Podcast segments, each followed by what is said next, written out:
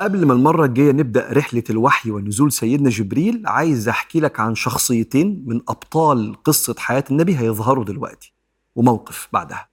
الشخصية الأولى زيد بن حارثة.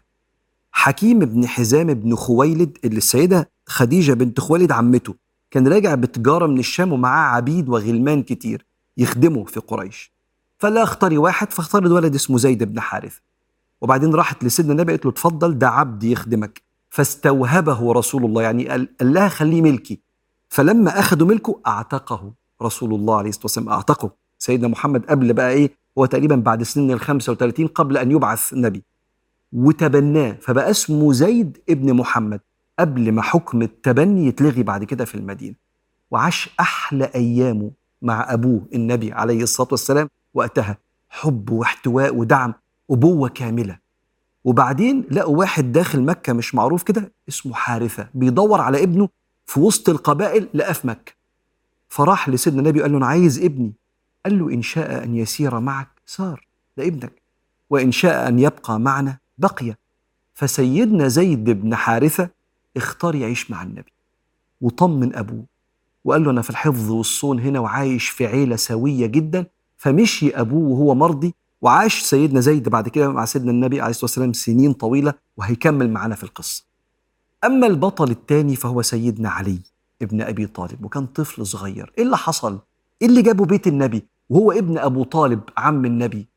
حصل مجاعة كبيرة جدا في قريش وافتقر أكتر أبو طالب فسيدنا محمد راح لعمه العباس اللي هو اخو أخو أبو طالب قال له هل لنا في أن نكفي أبي أبا طالب مؤنة أولاده؟ ممكن نشيل عنه شوية لأنه عنده عيال كتير. قال له نروح له ونسأله. فلما دخلوا على أبو طالب أبو طالب قال لهم أشكركم على الخدمة الكبيرة سيبوا لي عقيل. عقيل ده اللي هو طالب هو اسمه عقيل واسمه طالب وكان أبو طالب بيكنى بي أبو طالب سيبوا لي بس عقيل ده وخدوا أي حد.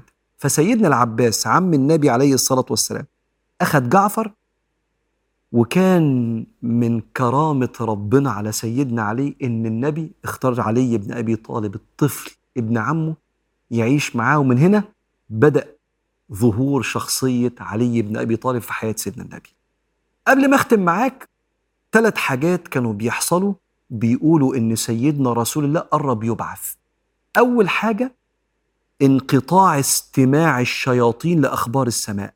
لما ربنا كان بيؤمر الملائكة بحاجة كانوا بيتكلموا مع بعض وينزل الأمر من فوق عند ربنا في السماوات فكانت الشياطين تحط ودانها كده وتسمع الأخبار وتنزل تقولها للكهنة فالكهنة اللي بيتكهنوا بالمستقبل يقولوا يحصل في المستقبل كذا لأن هم سمعوا. وده كان موجود وقتها وصورة الجن في الجزء ال 29 بتحكي لنا الكلام ده. فقبل بعثة نبي الأمر من ربنا سبحانه وتعالى بمنع الشياطين من استراق السمع.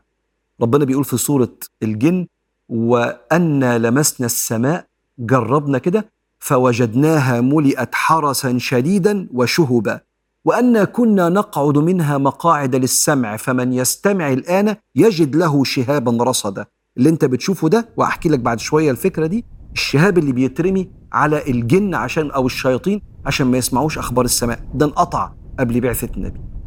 حاجة التانية سيدنا النبي عليه الصلاة والسلام كان يمشي في طرق مكة قبل سن الأربعين قال فأسمع الشجر والحجر يقولون السلام عليك يا رسول الله وإني لأعلم حجرا بمكة كان يسلم علي بالرسالة قبل أن أبعث رواه مسلم السلام عليك يا رسول الله الحاجة الثالثة كان سيدنا النبي عليه الصلاة والسلام ينام يشوف الرؤية يصحى تتحقق كفلق الصبح. يعني ينام يشوف أحداث يصحى تتحقق بالظبط زي الحلم. وكأن بدأ يبقى فيه مخاطبات غيبية لأن سيدنا النبي عليه الصلاة والسلام بعد كده قال لهم الرؤيا الصالحة من الله. شيء يشبه الوحي من ربنا.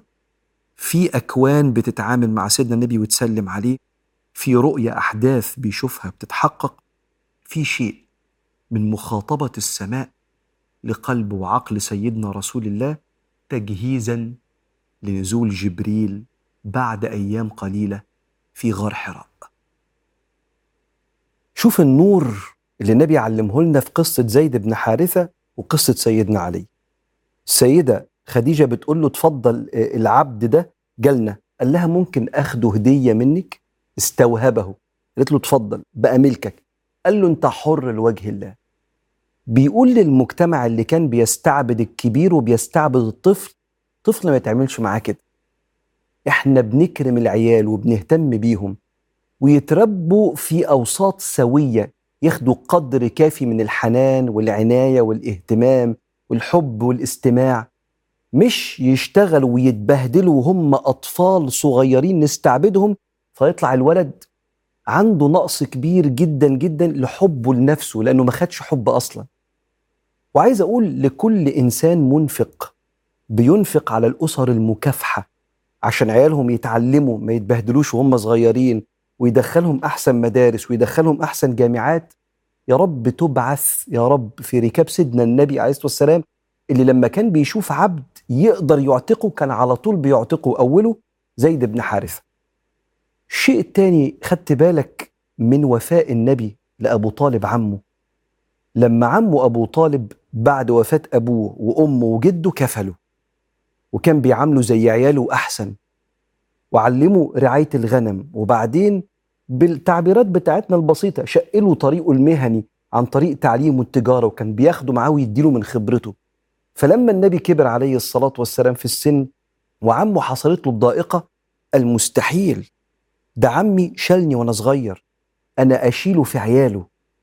ويا بختك يا سيدنا علي بن أبي طالب اللي الضائقة المالية والمصيبة كانت سبب في أكبر فتحه عليك دنيا وآخرة إنك بقيت عايش في كنف سيدنا محمد وده بيحصل كتير في حياتنا. بس بص كده بنور النبي على ضوائق الحياة.